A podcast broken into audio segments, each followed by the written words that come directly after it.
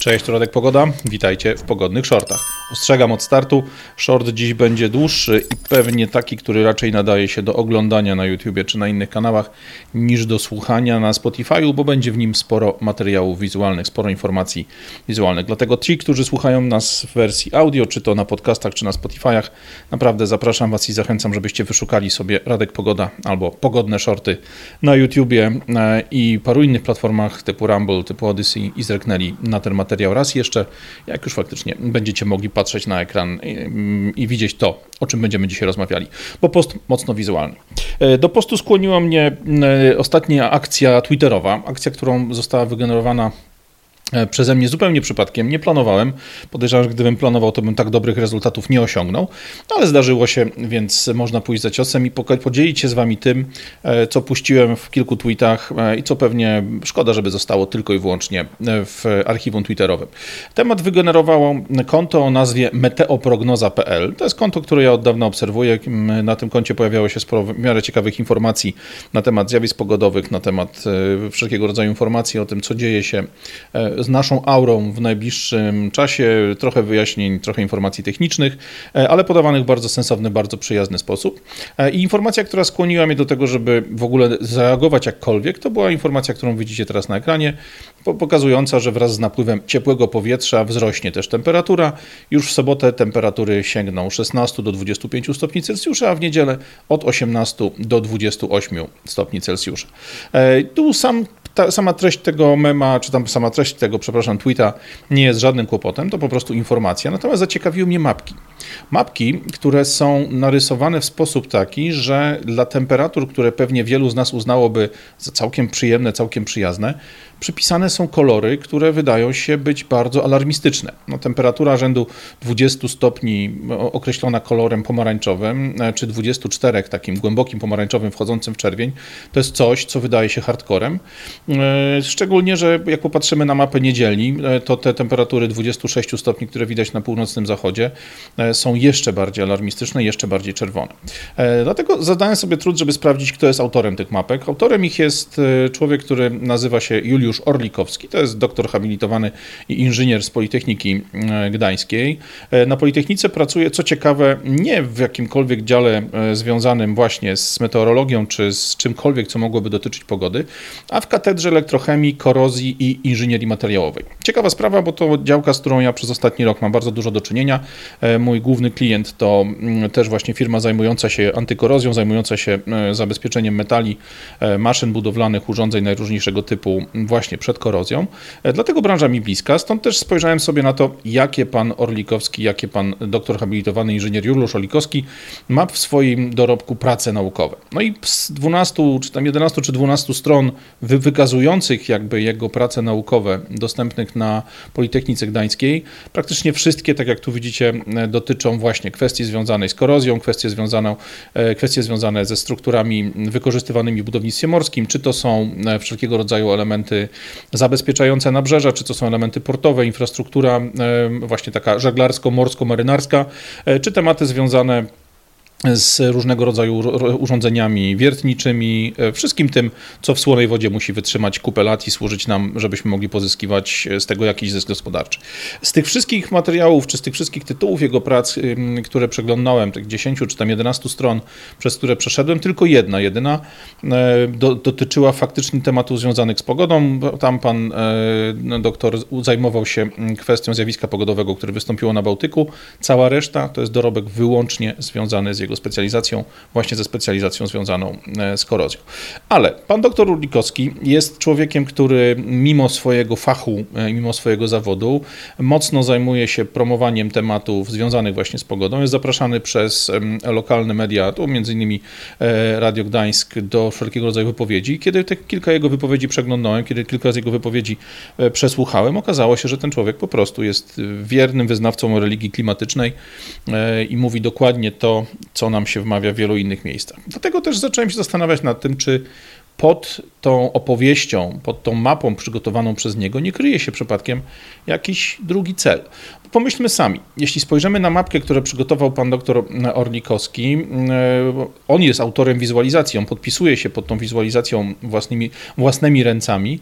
E, te mapki mają bardzo specyficznie zaprojektowaną skalę kolorystyczną. Skalę kolorystyczną, która na zasadzie hitmapy, na zasadzie mapy temperatur oddaje poszczególne wartości. Gdy sobie spojrzymy na takie standardowe, nazwijmy to nasze samopoczucie czy e, oczekiwania typowego Polaka, typowego mieszkańca półkuli północnej, tej zachodniej części, e, czy tam środkowej części Europy, w której funkcjonujemy, e, no to tak naprawdę, jeśli popytamy naszych znajomych, jeśli popytamy naszą rodzinę, za założę się o dowolną kwotę pieniędzy, o dowolną flaszkę, czy o dowolne piwo, czy tam ilość piwa, że większość ludzi mniej więcej zareaguje tak jak to, co widać na grafice, że tak naprawdę zimno to robi się gdzieś koło 10 stopni w plusie, czyli 10, 8, 7 stopni w plusie. To jest moment, kiedy faktycznie czujemy czujemy, że jest nam zimno, kiedy musimy założyć polar, kiedy musimy założyć swetr, kiedy musimy założyć jakąś kurtkę, a gorąco zaczyna się na poziomie gdzieś tam 22-25 stopni. Są tacy, którzy mają ten próg przesunięty jeszcze wyżej. Ja nie ukrywam, ja jestem zimnolubny, dlatego dla mnie temperatura 22 stopni to już jest taki moment, kiedy zaczyna mi się robić gorąco. Natomiast popatrzmy, jak na takiej skali, na skali odczuwania przez nas ludzi, którzy funkcjonują w Polsce, a przecież te mapy Polski właśnie dotyczą, jak na tej mapie odzorowane są kolory. Według pana doktora Orlikowskiego strefa zielona, więc ta, która na logikę powinna sugerować najbardziej przyjazne dla nas, najbardziej jakby sympatyczne warunki do funkcjonowania, ta strefa zielona jest całkowicie kosmicznie nisko. Ta strefa zielona zawiera się między około 0 stopni Celsjusza a 9-10, no bo te optymalne warunki powinien symbolizować kolor zielony.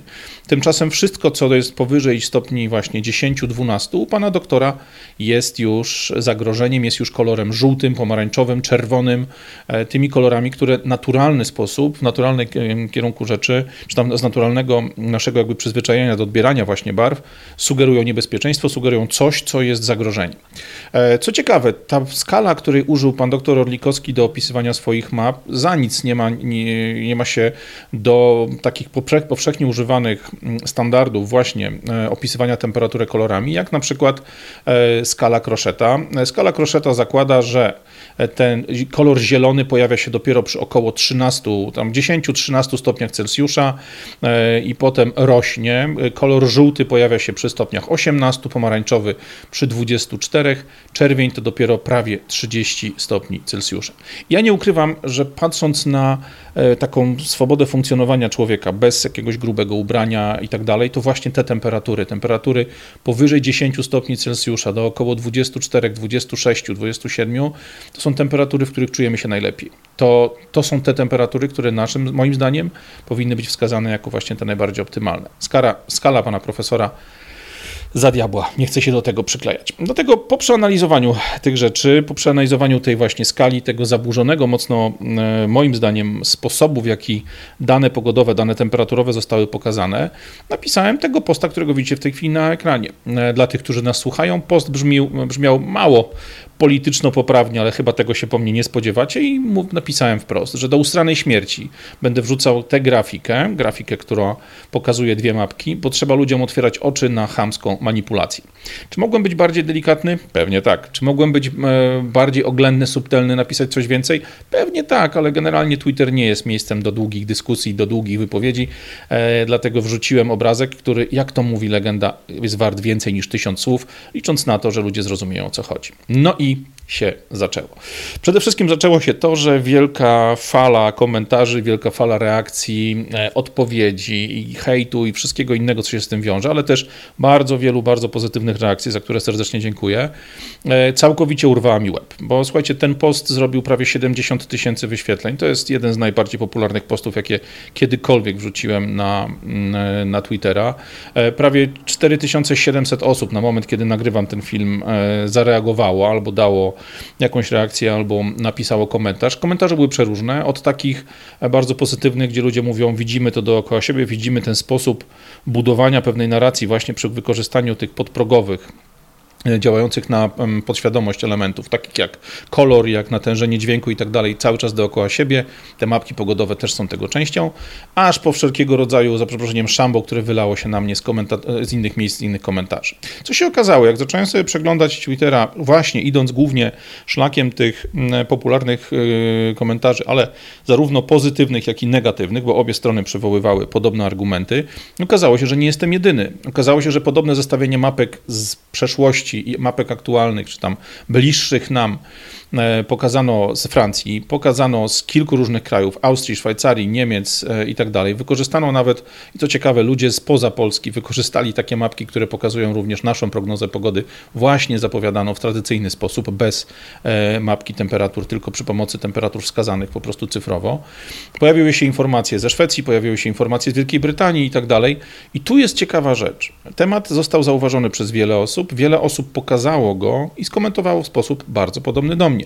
E, James Melville, człowiek, który, o którym najwięcej pisze się w internecie właśnie w tym zagadnieniu, e, zarzucił prostą informację. Spójrzcie na, na zdjęcia. Mamy dwie mapy e, pokazujące heat wave, czyli tą falę gorąca, jakąś taką kryzysową zupełnie falę gorąca, która faktycznie mm, w roku 22 Wielką Brytanię nawiedziła.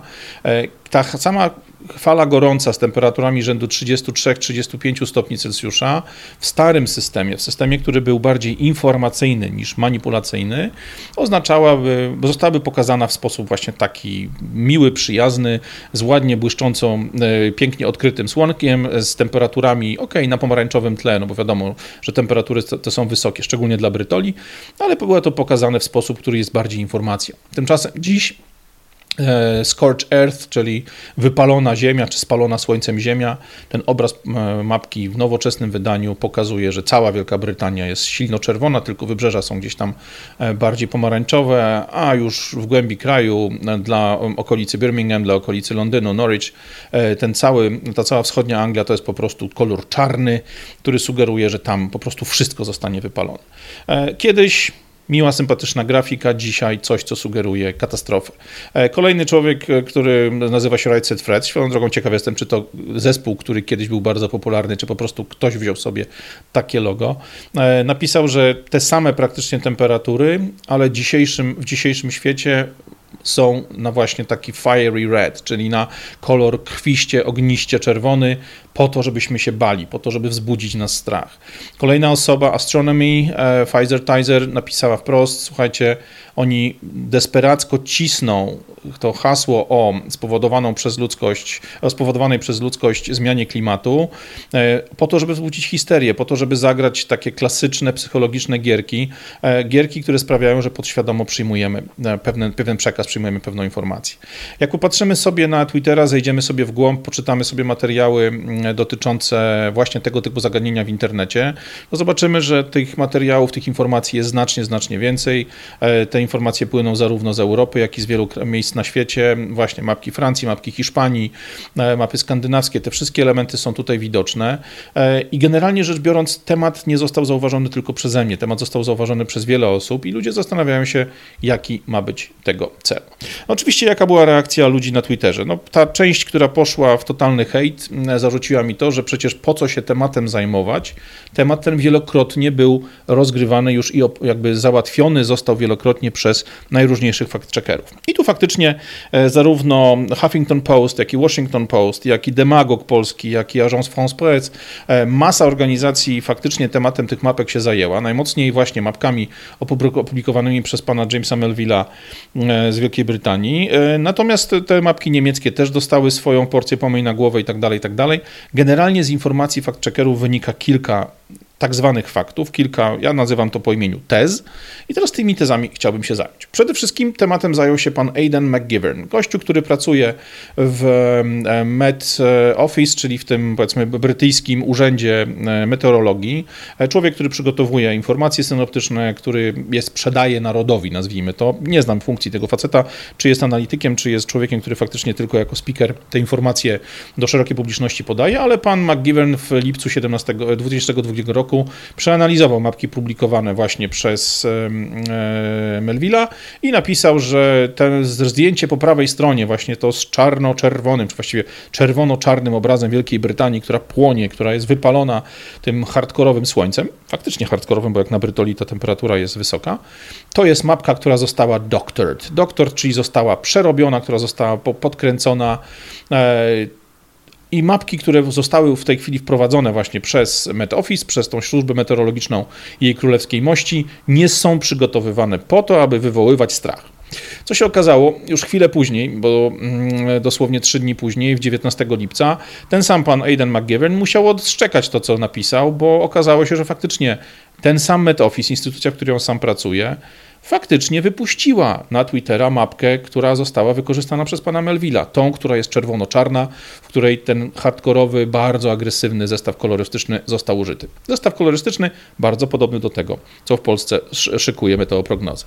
E, co jest jednak ciekawe, fakt checkerzy napisali oczywiście, że te memy, to, te porównania, te rzeczy, które my, zwykli pariasi i zwykli leszcze, publikujemy na Twitterze, na Facebooku, we wszystkich dostępnych nam mediach społecznościowych, w żaden sposób nie podminowują, nie, nie podważają e, change, e, climate change science, czyli tej nauki, która potwierdza zmianę klimatu. Ten ruch, który kiedyś był globalnym oziębieniem, potem dziurą ozonową, potem globalnym ociepleniem, a w tej chwili ktoś w końcu wymyślił i pewnie dostał za to grubą premię, nazwę climate change, czyli zmiana klimatu, nazwę, która jest absolutnie idealnym ultra perfekcyjnym skamem. Nazwa, którą może pokrywać każdy ruch, w górę, w dół temperatur, w górę, w dół opadów, może pokrywać wiatry, może pokrywać pożary lasów, wszystko, wszystko co tylko dotyczy climate, e, czyli wszystko co dotyczy klimatu, przepraszam was, bo już się w tych makaronizmach gubię, wszystko da się podciągnąć pod nagonkę pod tytułem climate change, to, że jest to zagrożeniem i tak dalej. O,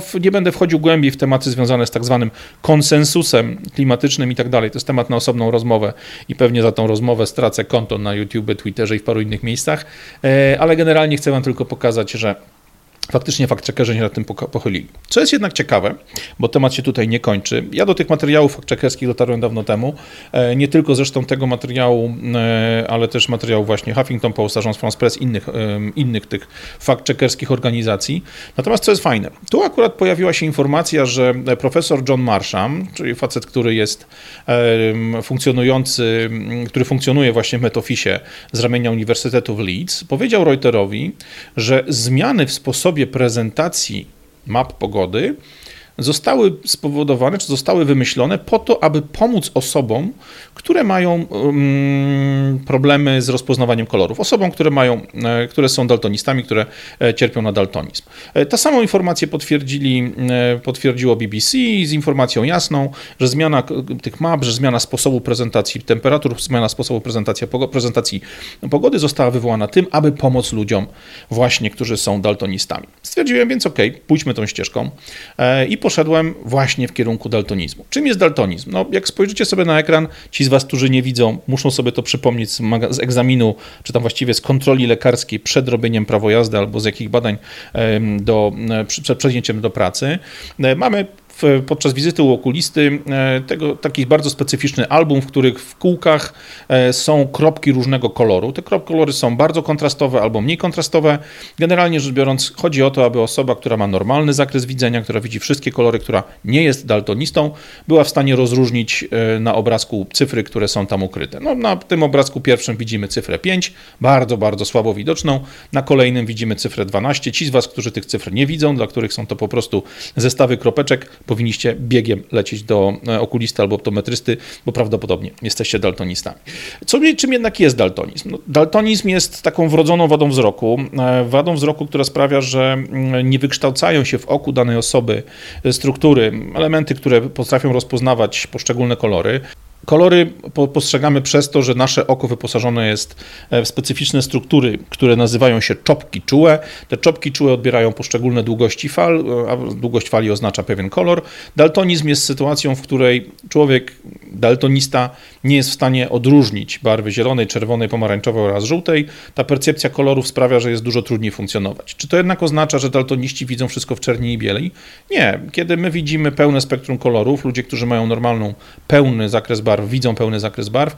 Daltonista widzi te kolory ograniczone. To nie jest czarno-białe, e, to tylko minimalny zupełnie odsetek daltonistów faktycznie kolorów nie widzi, natomiast ci najbardziej popularni, najbardziej typowi widzą kolory ograniczone. Tam, gdzie my widzimy zieleń, tam, gdzie my widzimy fiolet i tak dalej, te wszystkie kolory dla daltonistów mają zupełnie inne barwy, mają zupełnie inne wysycenia. To niestety trzeba zobaczyć, więc raz jeszcze tych, którzy nas słuchają na podcastach czy Spotify'u, zapraszam albo do poszukania tematu daltonizmu na własnym, własnym zakresie, albo po prostu obejrzenia tego filmu raz jeszcze na YouTubie. E, chodzi generalnie o to, że daltoniści nie widzą wszystkich kolorów, że niektóre kolory zamieniają się miejscami, że zlewają się dla nich, są do siebie bardzo, bardzo podobne. Jak popularny jest problem daltonizmu? Ja nie ukrywam, że jak zacząłem tego, tych informacji szukać, to się mocno zdziwiłem, bo e, na świecie około 8% mężczyzn, no i niespełna 0,5% kobiet faktycznie tymi daltonistami jest. No można powiedzieć, że 8% populacji męskiej, męskiej to jest naprawdę spora ilość ludzi. E, rozkłada się to w zależności od tego, w, jakim, w jakich warunkach, w jakich krajach, z jakich grup etnicznych wywodzą się ludzie. No i tu rekordzistami w cudzysłowie e, tymi negatywnymi są Arabowie. Arabowie e, w, w krajach arabskich, czy w, powiedzmy w, u ludzi pochodzenia arabskiego, około 10% mężczyzn ma jaką, jakiś typ e, daltonizmu, około 0,5% kobiet. U Hindusów jest to trochę inaczej, też spora ilość facetów, bo prawie 9%, ale bardzo wysoki odsetek kobiet, bo 1,6% hindusek, osób o pochodzeniu hinduskim ma tą, ten daltonizm jakby wrodzony. Idąc dalej mamy Rosjan, Norwegów, Francuzów, Niemców, Chińczyków, Irańczyków, Japończyków. Oczywiście ta mapa nie jest, czy tam ta lista nie jest pełna, to jest po prostu jakaś tabela, którą udało mi się znaleźć. Natomiast co jest bardzo istotne, e, aby zrozumieć do końca o co chodzi, trzeba pamiętać, że e, daltonizm daltonizmowi nierówny. W oku mamy kilka e, tych czopków czułych, tych fotoreceptorów, kilka typów i w zależności od tego, które z nich nie wykształciły się w naszym oku, których z nich brakuje akurat w oku danej osoby, danego człowieka, to w zależności od tego mamy różne typy daltonizmu. Tych typów jest głównych, najbardziej popularnych są trzy. Mamy protanopię, deuteranopię i tritanopię. Nie będziemy się wbijać w szczegóły, bo to jest temat, którego ja sam nie do końca ogarniam. Po prostu czytam wam to, co znalazłem przy dłuższym poszukiwaniu w internecie. Natomiast to, co jest bardzo ważne, te typy daltonizmu nie są rozsiane równo. E, jak popatrzymy sobie, no to ludzi z normalnym zakresem widzenia e, jest na świecie około 95,5%, no 91% mężczyzn, 99 z kawałkiem procent kobiet. Natomiast te trzy typy e, daltonizmu, czyli brak ludzi, czy raczej brak e, słupków, czy tam tych czopków czułych L e, to jest około 3%, czubków, czubków, czopków czułych M to jest około 6%, no i czopków czułych S to jest tam niespełna 1,1%. Co jest jednak ciekawe, jeśli popatrzymy sobie na zakres kolorów, których nie widzi najbardziej popularny typ daltonistów, ci, którzy cierpią na deuteranopię, czyli ci, którzy, których jest ponad 6% w populacji świata, to zdecydowanie więcej niż e, osób, które cierpią na protanopię i zdecydowanie więcej e, tych, które cierpią na tritanopię. Tych jest najwięcej, 6,1%. To jest nam ponad 50, e, ponad 60% wszystkich daltonistów na świecie. Oni nie widzą, a właściwie inaczej, widzą, ale nie potrafią odróżnić kolorów, którymi, których pełne są te teoretycznie robione właśnie dla nich mapy pogody. Nie potrafią odróżnić czerwonego, pomarańczowego, żółtego i zielonego. A błękitny, czy tam niebieski e, i fiolet zlewają im się też praktycznie w jedno. Moim zdaniem więc, jeśli popatrzymy sobie na tą informację, jeśli zajrzymy naprawdę w głąb wiedzy na temat tego, jak wygląda właśnie ilość osób o tym specyficznym, najbardziej popularnym typie daltonizmu na świecie, moim zdaniem cała teoria o tym, że mapy są robione dla daltonistów, w tym momencie idzie się kąsać.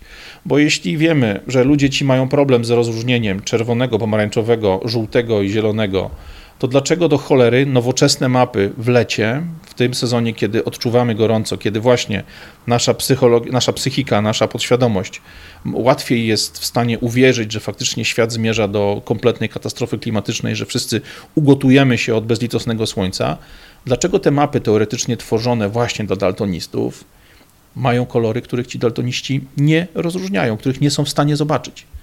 Dlaczego skala używana przez polskiego specjalistę, osobę, która, specjalista może za dużo powiedziane, no bo jak jak ustaliliśmy, ten facet jest specjalistą głównie od korozji, a niekoniecznie może od meteorologii, ale człowieka, który ma bardzo duże zasięgi, którego mm, słowa, którego posty mają ogromny wpływ na ogromną ilość ludzi w Polsce.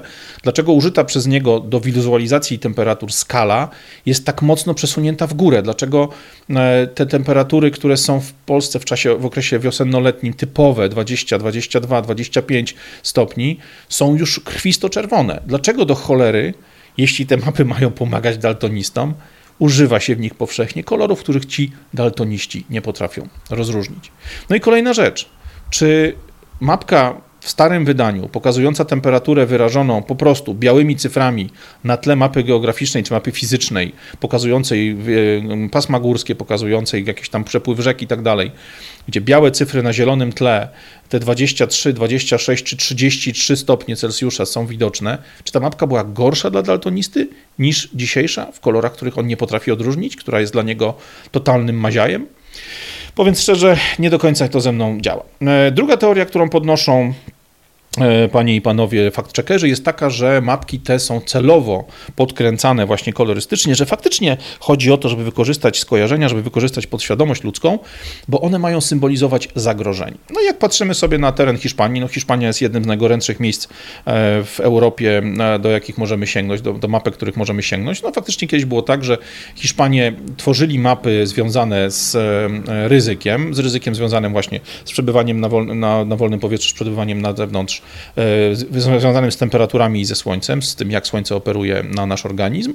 Tyle tylko, że według Hiszpanów, ludzi, którzy urodzili się właśnie tam, daleko na południu, w tych gorących szerokościach geograficznych, temperatura 36 stopni Celsjusza to dopiero był próg, kiedy mapa zmieniała kolor z zielonego na żółty. Te 36 stopni Celsjusza było momentem, w którym hiszpańscy meteorologowie informujący ludzi przez telewizor o ewentualnym zagrożeniu wynikającym z temperatury, wynikającym właśnie z tego, że słońce będzie bardzo mocno operowało kolejnego dnia na terenie Hiszpanii, dopiero na poziomie 36 stopni Celsjusza widzieli potrzebę uruchomienia koloru żółtego. E, kolor pomarańczowy pojawiał się przy 40 stopniach, kolor czerwony, no tu akurat tą jedną mapę tylko widzimy, kolor czerwony to dopiero 44 stopnie Celsjusza. Wyobraźmy to sobie. 44 stopnie Celsjusza u Hiszpanów, u, pana, e, u naszych panów doktorów na 30 niespełna, na 28 czerwień zmienia się już praktycznie w głęboki fiolet, czy w jakąś głęboko burą barwę. Hiszpanie, ludzie zaprawieni do funkcjonowania w tamtych rejonach, mają temperatury do 35 stopni jako ok. Od 36 zaczyna się ryzyko, u nas jest to mocno przesunięte. Czy możemy to wytłumaczyć tylko tym, że mamy mniejszą odporność na, na upały? Pewnie tak, ale nie przesadzajmy. Nasze organizmy nie są aż tak odmienne od organizmów Hiszpanów. Po prostu będzie nam dużo mniej komfortowo, będzie nam dużo trudniej e, pewnie dobrze się czuć w takich temperaturach, ale nie jest to jeszcze dla nas koniec świata. Jak to wygląda dzisiaj? E, jak spojrzymy sobie na to zestawienie, mamy dwa zdjęcia. Kiedyś 40 stopni Celsjusza to był zaledwie kolor pomarańczowy, w tej chwili 35 jest już powodem do tego, żeby mapa była nie pomarańczowa, nie czerwona, ale wręcz fioletowa.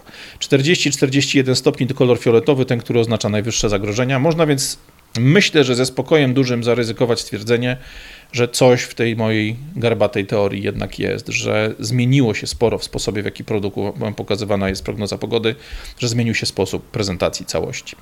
Spójrzcie teraz na to, co mamy na końcu, bo zbliżamy się już do finiszu. Mamy przed sobą cztery mapy. Mapę Niemiec, Polski, Szwajcarii, Austrii. Mapa Szwajcarii, mapa Austrii jest dość specyficzna, bo są to kraje górskie, więc wiadomo, e, na mapie Szwajcarii na przykład widać e, te wysokogórskie rejony, które mimo ogromnych temperatur, bo są to temperatury z któregoś tam lata, gorącego lata jak widać, e, faktycznie te tereny wysokogórskie położone na poziomie gdzieś tam 2-3 tysięcy metrów są zielone, więc wiadomo, w wysokich górach te temperatury spadają. Zresztą na mapie Szwajcarii jest nawet jasna informacja, że na wysokości 2000 3000 metrów temperatura to 22 stopnie, a 3000 metrów, bo i takie góry przecież w Alpach są, ta temperatura spada do 14. E, natomiast mówię, te dwie mapki Austrii i Szwajcarii muszą odzwierciedlać właśnie obecność Alp, obecność gór, e, tego, że górskie doliny, górskie e, stoki, szczyty mają trochę inną sytuację związaną z temperaturami. No to jest kwestia na zupełnie inną rozmowę. Natomiast mapa Polski i mapa Niemiec przedstawiona jest w dwóch zupełnie innych ujęciach. Polska w sposób tradycyjny, gdzie mamy Pokazany kraj, pokazane podziały województw, główne miejscowości. Przy tych miejscowościach mamy po prostu informację, że w Warszawie jest 30 stopni, lekkie zachmurzenie, w Łodzi 31 z lekkim zachmurzeniem, w Poznaniu pełna lampa i 33, we Wrocławiu jeszcze gorzej 34 i pełne słońce. E, ta mapka jest po prostu mapką informacyjną. Widać na niej zarówno wiatry, które wieją na zachodnią granicą, że jest to wiatr e, o jednym kierunku, za granicą wschodnią wiatr trochę zmieniający kierunek bardziej na wschód i tak dalej, i tak dalej. Mapka, która ma informować. Tymczasem mapka Niemiec, sami powiedzcie, Polska i Niemcy, jaka jest różnica. Temperatury zbliżone, 30-32, maksymalna temperatura 34 stopnie. W Niemczech ciut wyższe, bo maksymalna temperatura to 38. Nie mówię, że niska, ale mapa Niemiec, nawet tam, gdzie jest 28 stopni, jest już krwiście czerwona. Tam, gdzie w Polsce wystarczy po prostu napis 34 i piękny, piękny rysuneczek słońca, te same 34-35 stopni na mapie Niemiec, budowanej właśnie według tego nowego systemu, to już jest krwisto-czerwone morze po prostu spalonej ziemi, morze zalanego ogniem, zalanego lawą terytorium. To jest szaleństwo. E, ja dlaczego, dlaczego jakby zamykając tą przydługą rozmowę, uważam, że ta teoria może mieć sens. E, jestem wychowany w taki sposób i tak przeszedłem swoją drogę mm, edukacyjną, zarówno e, szkołę podstawową, później liceum, później studia. Zresztą siedziałem bardzo mocno w tematach geograficznych, bo e, cała moja edukacja praktycznie miała zawsze związek z turystyką, więc tematami, które z pogodą, z, geografią mają dużo do czynienia. E, jestem wychowany w taki sposób, że jeżeli ktoś coś robi, to domyślam się, że robi to w jakimś celu, że jest w tym wszystkim jakiś sens, jest w jego działaniu jakaś logika.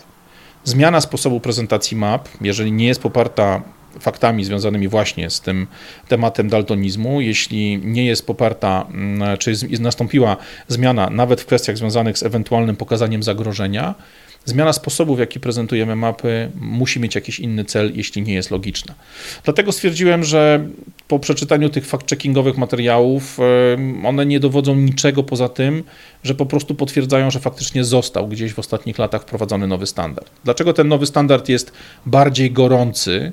gdy podobno rośnie średnia temperatura i logicznym byłoby ochłodzenie kolorów mapy, obniżenie, jeżeli faktycznie idziemy w stronę tego coraz gorętszego świata, no to ze względu na interes polityków, na to, aby nie, nie, nie generować niepotrzebnego napięcia, niepotrzebnej e, emocji, e, mapy powinny być obniżane, powinny temperatury na tych mapach, e, temperatury kolorów, te właśnie czerwienie, pomarańcze, żółcie, powinny być odsuwane jak najwyżej. Pomyślmy, logicznym byłoby, żeby politycy, którym zależy na spokoju, na tym, żeby zwykły zjadacz chleba nie myślał o e, zagrożeniach, które czekają jego, jego majątek, jego firmę, jego dzieci w przyszłości, żeby ten człowiek skupił się na zarabianiu pieniędzy, płaceniu podatków, na tym, żeby nie płacić mandatów, na tym, żeby zachowywać się jak grzeczny obywatel.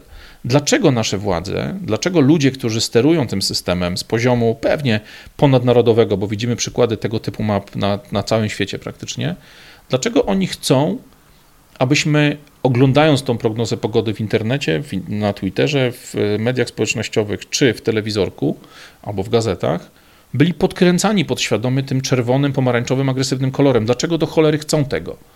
Dlaczego w trakcie Dawida XIX wszystkie karetki, nawet w nocy, jeździły z włączonymi sygnałami dźwiękowymi, wyły po prostu po nocach? Dlaczego dzieje się tak wiele drobnych zdarzeń, tak wiele drobnych rzeczy, które nie mają żadnego innego sensu niż ten, żeby wpływać na nas, żeby budować naszej podświadomości zaburzony w dużym stopniu obraz rzeczywistości. Mapa Szwecji 20-21 stopni zaznaczone na czerwono. Kiedyś 25-stopniowe temperatury na terenie Szwecji, 26 były po prostu naniesione na zieloną mapkę pokazującą kształt e, tego fragmentu kontynentu do tego symbole słoneczka, do tego symbole zachmurzenia, jakichś opadów i tak dalej i wszystko było ok. Dziś 16-17 stopni to ostry pomarańcz, 22, 23 stopnie to głęboka czerwień i tak dalej. Komu to służy? Czemu to służy? Po co to robią?